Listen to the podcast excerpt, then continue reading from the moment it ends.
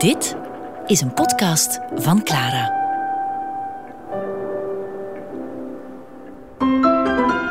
Bauhaus. Met Goedroen de Geiter. Bauhaus heeft in de loop der jaren talrijke contacten gehad met Nederlanders. Enkele waren er al heel vroeg bij, al dus Minke Simon Thomas van Boymans van Beuningen. Theo van Doesburg staat erom bekend dat hij altijd met iedereen na een half jaar ruzie had. Andreas Pinchewski legt uit hoe die ook de Bauhausman van het triadische ballet Oskar Schlemmer beïnvloedde. Yeah, Schlemmer was trained as a carpenter.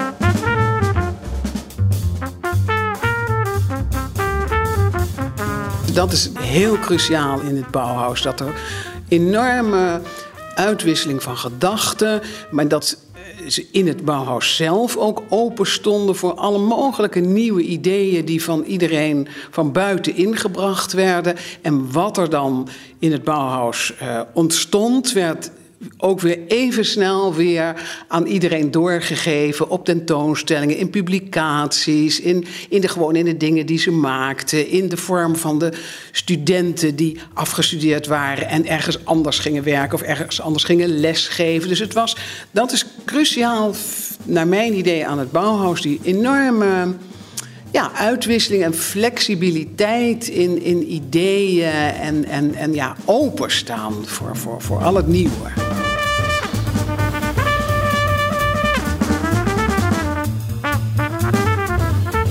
Doesburg had dan natuurlijk al in een heel vroeg stadium was hem te oren gekomen van die nieuwe school in Weimar toen nog.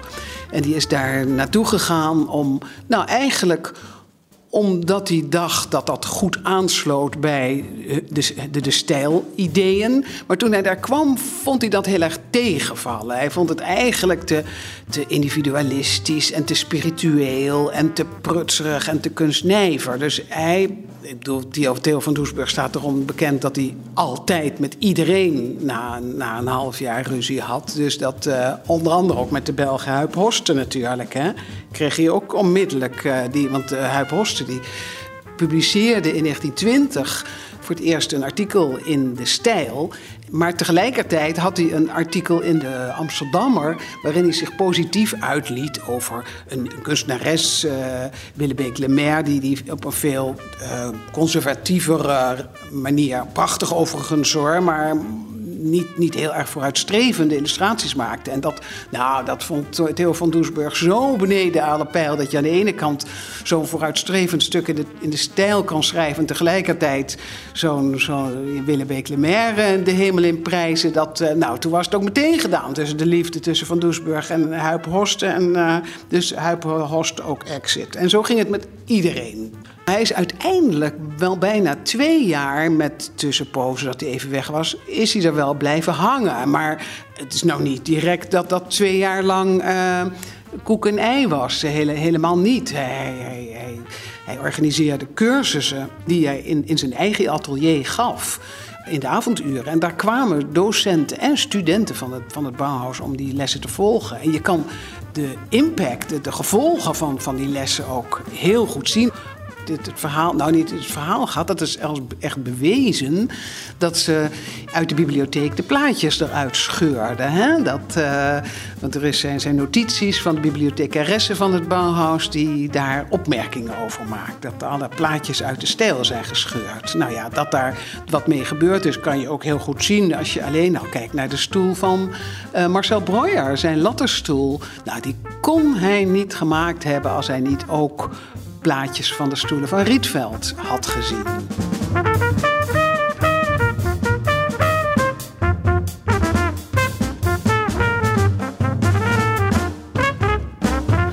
Um, there was also that conflict in the years at the Bauhaus starting in 1923, 1924, when Theo van Doesburg came to Weimar, and Walter Gropius, the director of the Bauhaus, feared that this would be some inimical takeover.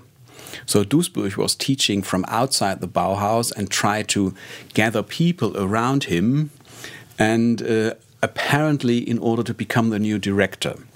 And Duisburg, together with the Hungarian painter Laszlo Moholy Nagy, they were very strictly constructivist, very rationalized, uh, very also industrialized in their production techniques.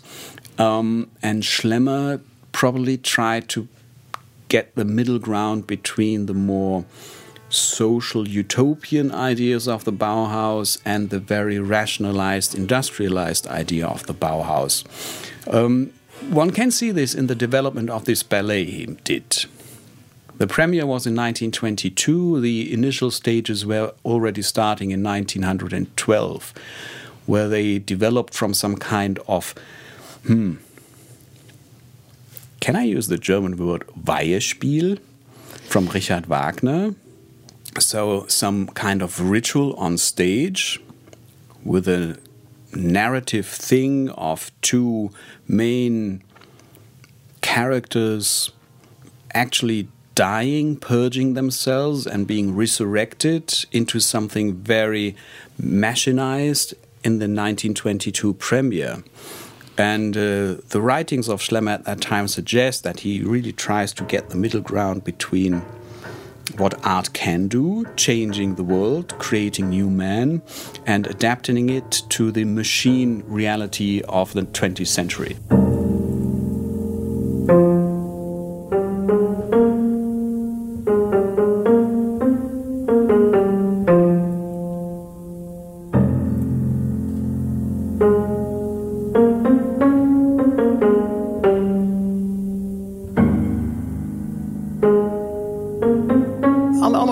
In, in Rotterdam ook wel iets gewend, omdat natuurlijk de stadsarchitect van Rotterdam, J.J.P. Oud, al uh, een aantal nieuwe wijken had uh, gebouwd. En de eerste wijken in, rond 1920 ontstonden Spangen, die waren nog van, van, van baksteen. Maar daarna ontstonden een aantal wijken, van, uh, zoals het Witte Dorp en Kiefhoek. En dat waren ook witte, witte moderne huizen in rijtjes, heel modern, met, met modernste middelen gebouwd. En, en, en ook, maar architect Oud, die aanvankelijk ook de stijl was dus die kan je ook onder de stijl noemen. Het enige was op het moment dat hij naar Weimar ging, had hij ook hij ruzie met Theo van Doesburg. Dus toen was hij ook geen de stijl meer. Maar zo afwijzend als Gropius was ten opzichte van Van Doesburg... zo welwillend en positief was hij over, over Oud. Die vond hij echt heel erg geweldig. En hij heeft ook vaak gevraagd of Oud wilde komen lesgeven. Maar Oud wilde dat niet.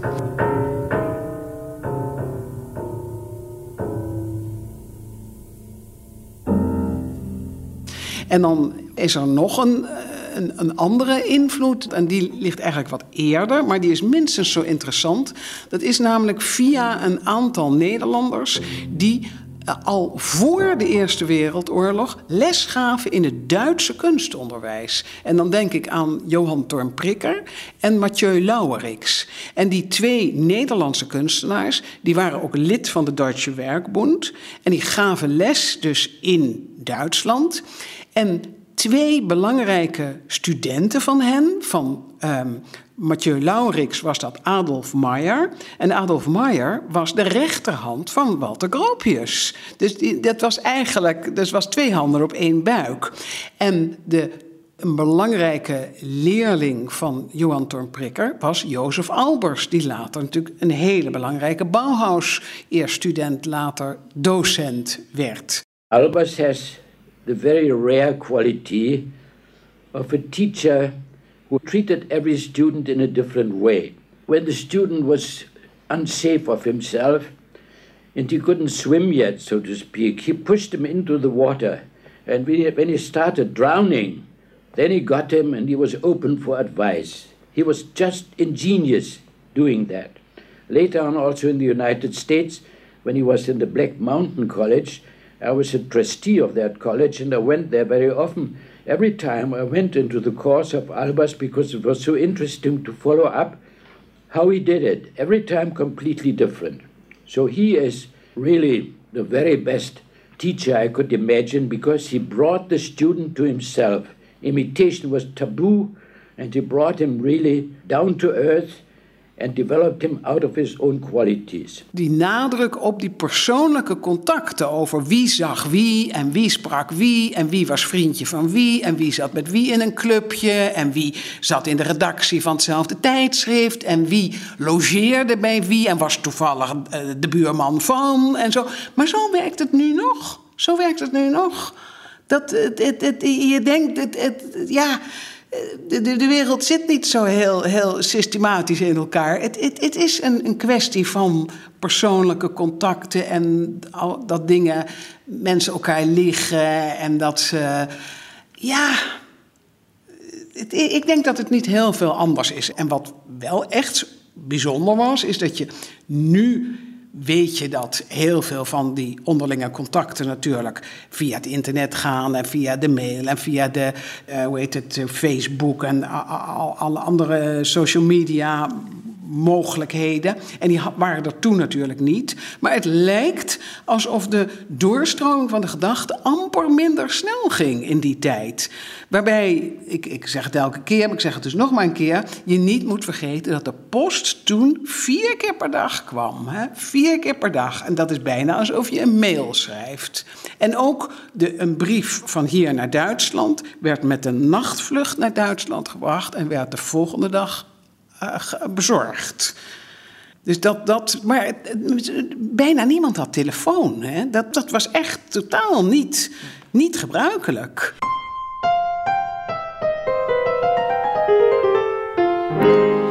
In Stuttgart staat bovenop de heuvel van de stad de Weissenhof-Siedlung, een modelwijk uit 1927 vol moderne villa's en een staalkaart van Bauhaus en ander modernistisch kunnen. Andreas Pinchewski vindt in Stuttgart ook een vergeten schilder, die een ander wegbereider van Bauhaus blijkt te zijn. That's Adolf Hölzel. Adolf Hölzel, who became a teacher at the Academy in Stuttgart in 1905, originally came from Vienna, teaching wise, um, from the circle around Gustav Klimt and the Vienna secession. And already at that time, he developed some kind of idea of rationalizing art education and art uh, composing of art. And this is the thing that he began to teach around 1910 in Stuttgart. He came to Stuttgart as a landscape painter originally. Well, that's probably what the people knew about him.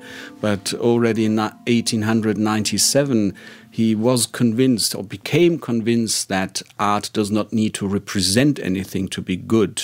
And he tried to find the rules of color, of shapes, and of how to combine them. And then he taught them. So it was like a systematic approach.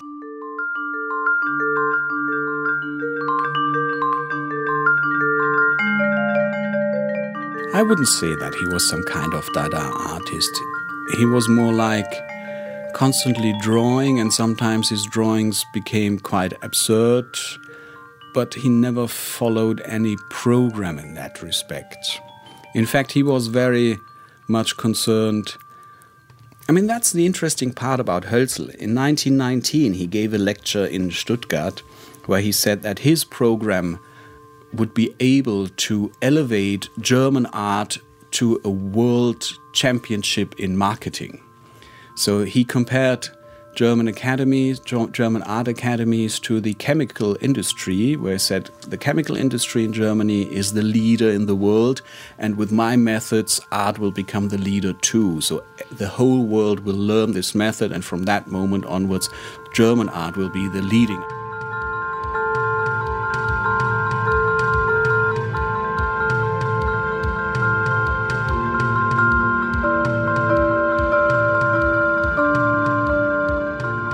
Was inventing abstract art too. that's a, that's a longer discussion between art historians who, in fact, invented it. I mean, Vasily Kandinsky was probably the loudest one among the abstract painters, but uh, in fact, the first almost abstract painting by Hölzel is from 1905 when Kandinsky was still doing his uh,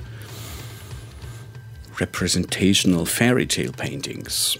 So um, officially it is Kandinsky, unofficially it might be Adolf Hölzel. And they knew about each other.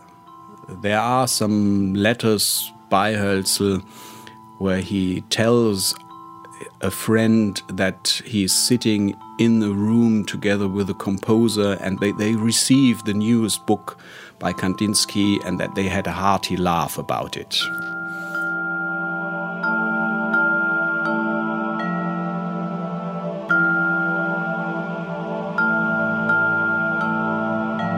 His pupils were afterwards probably some of the most prominent abstract painters, and some of them became teachers at the Bauhaus. The first was Johannes Itten, who was called to the Bauhaus in 1919, and then Oskar Schlemmer, of course, who came to the Bauhaus in 1920, 1921. So there were already two artists who were trained by Adolf Hölzel at the Bauhaus rather early.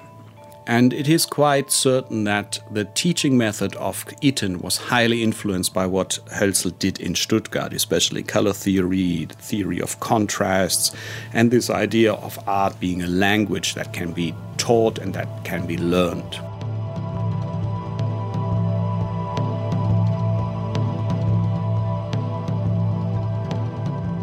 He told his students that they were not at the academy to uh, learn art, they were there to practice a science, a scientific approach. Although it might not be like natural science, it was more like having the idea of art as a language, and a language has a grammar, and a language has a vocabulary, and so artists have to know this first before they start to make art. His method of teaching was very subtle it's very telling that afterwards, whenever one of the students of Hölzel's were asked what they did learn from him, they always answered that they learned nothing. So he had a way of teaching without teaching. But his uh, method somehow slipped very subtly into their minds. They were convinced that they learned it by themselves that all they discovered they did by themselves. But whenever you have a show with students of Hölzel, you can immediately see that they are all students by Hölzel.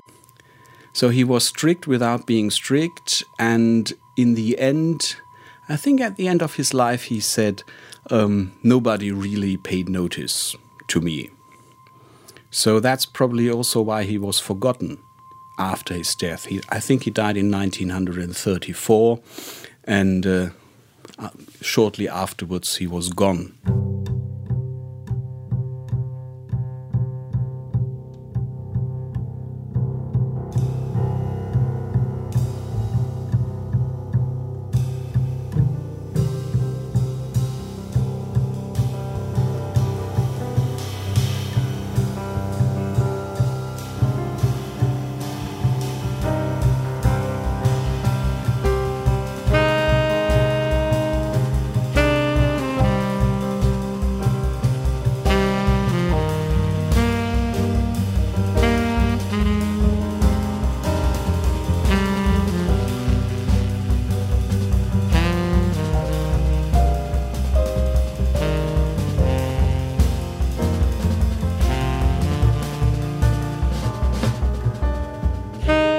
Moeten wij u nog het verhaal van de totstandkoming van de Van fabriek, gelegen aan het water van de Delfshavense Schie, werelderfgoed en de trots van Rotterdam. Mienke Simon Thomas nam er het dagboek van Ise Frank bij, de EGA van Walter Groopjes.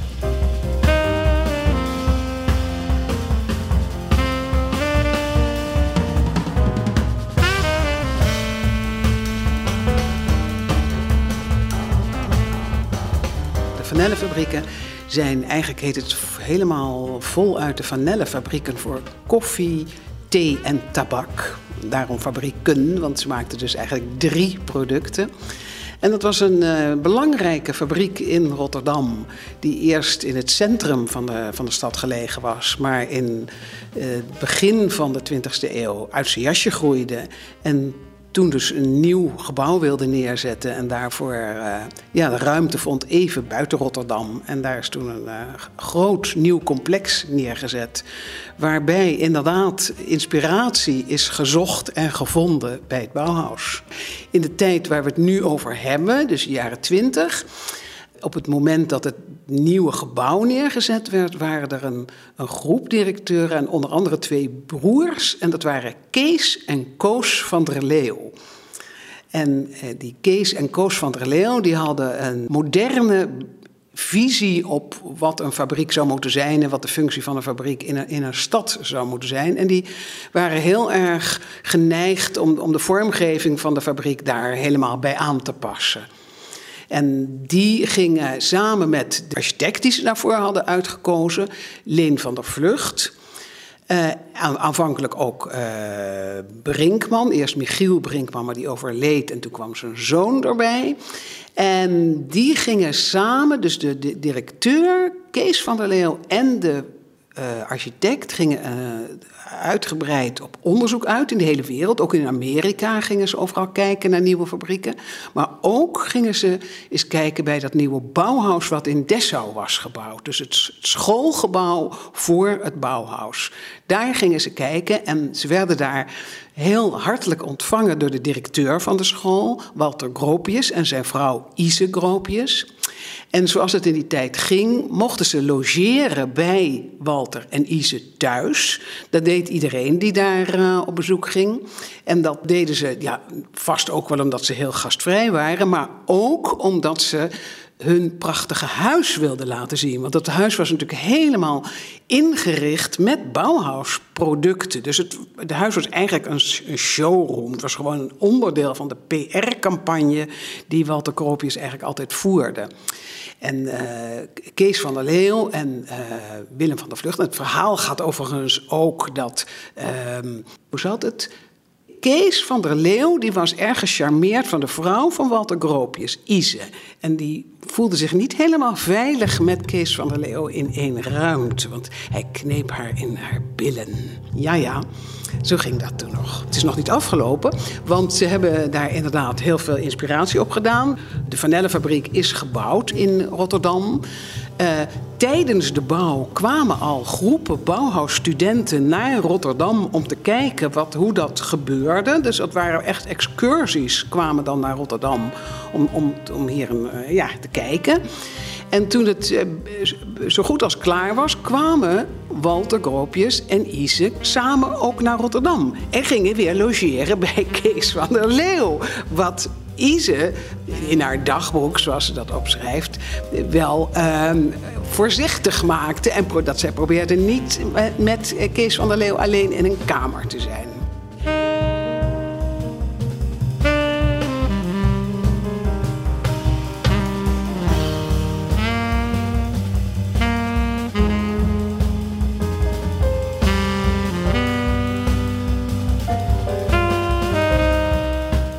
Als je rondgaat bij het Bauhaus en rondgaat bij de Vanellenfabriek, dan vallen een aantal dingen meteen op. En dat is de grote hoeveelheid glas, de grote hoeveelheid glazen gevels, vliesgevels, zowel bij het Bauhaus als bij de Vanellenfabriek. De witte kleur is natuurlijk heel opvallend. Hè? Het is, blinkend wit, beide gebouwen. Ja, glimmen je tegemoet. Um, je ziet veel metaal, maar wat je ook ziet is niet één blok of één, één gebouw, maar je ziet als het ware een, een compositie van losse gebouwen. En dat is zowel bij het Bauhaus als bij de Vanellenfabriek is dat heel evident. En dat was ook echt de bedoeling. Elke functie die in de gebouwen plaatsvond, dus in het bouwhuis het lesgeven en de kantine en de plekken waar, je, waar de studenten sliepen. En in de fabriek de theefabriek en de koffiefabriek en de kantoren en, en de exportafdeling. Noem, hè, die moesten die kon je allemaal van buitenaf al als zodanig herkennen. Dus je, je zag een, groot blok en daar, daar werden, werd de tabak gemaakt. En een ander blok en daar werd de thee gemaakt. En een half rond gebouw aan het begin, dat waren de directievertrekken. En dus in die zin lijkt het heel erg op elkaar.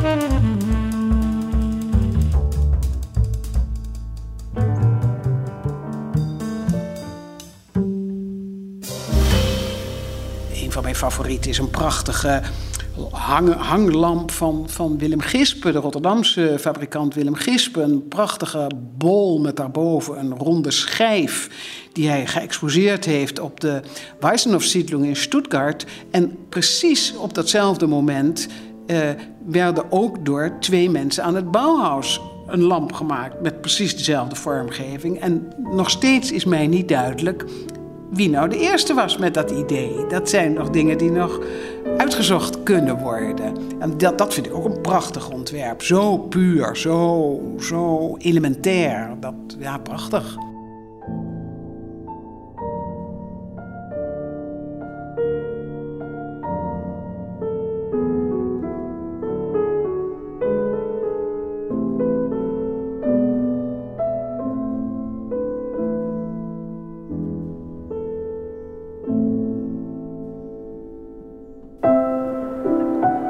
Ook onze andere podcasts via clara.be. Clara Podcast. Blijf verwonderd.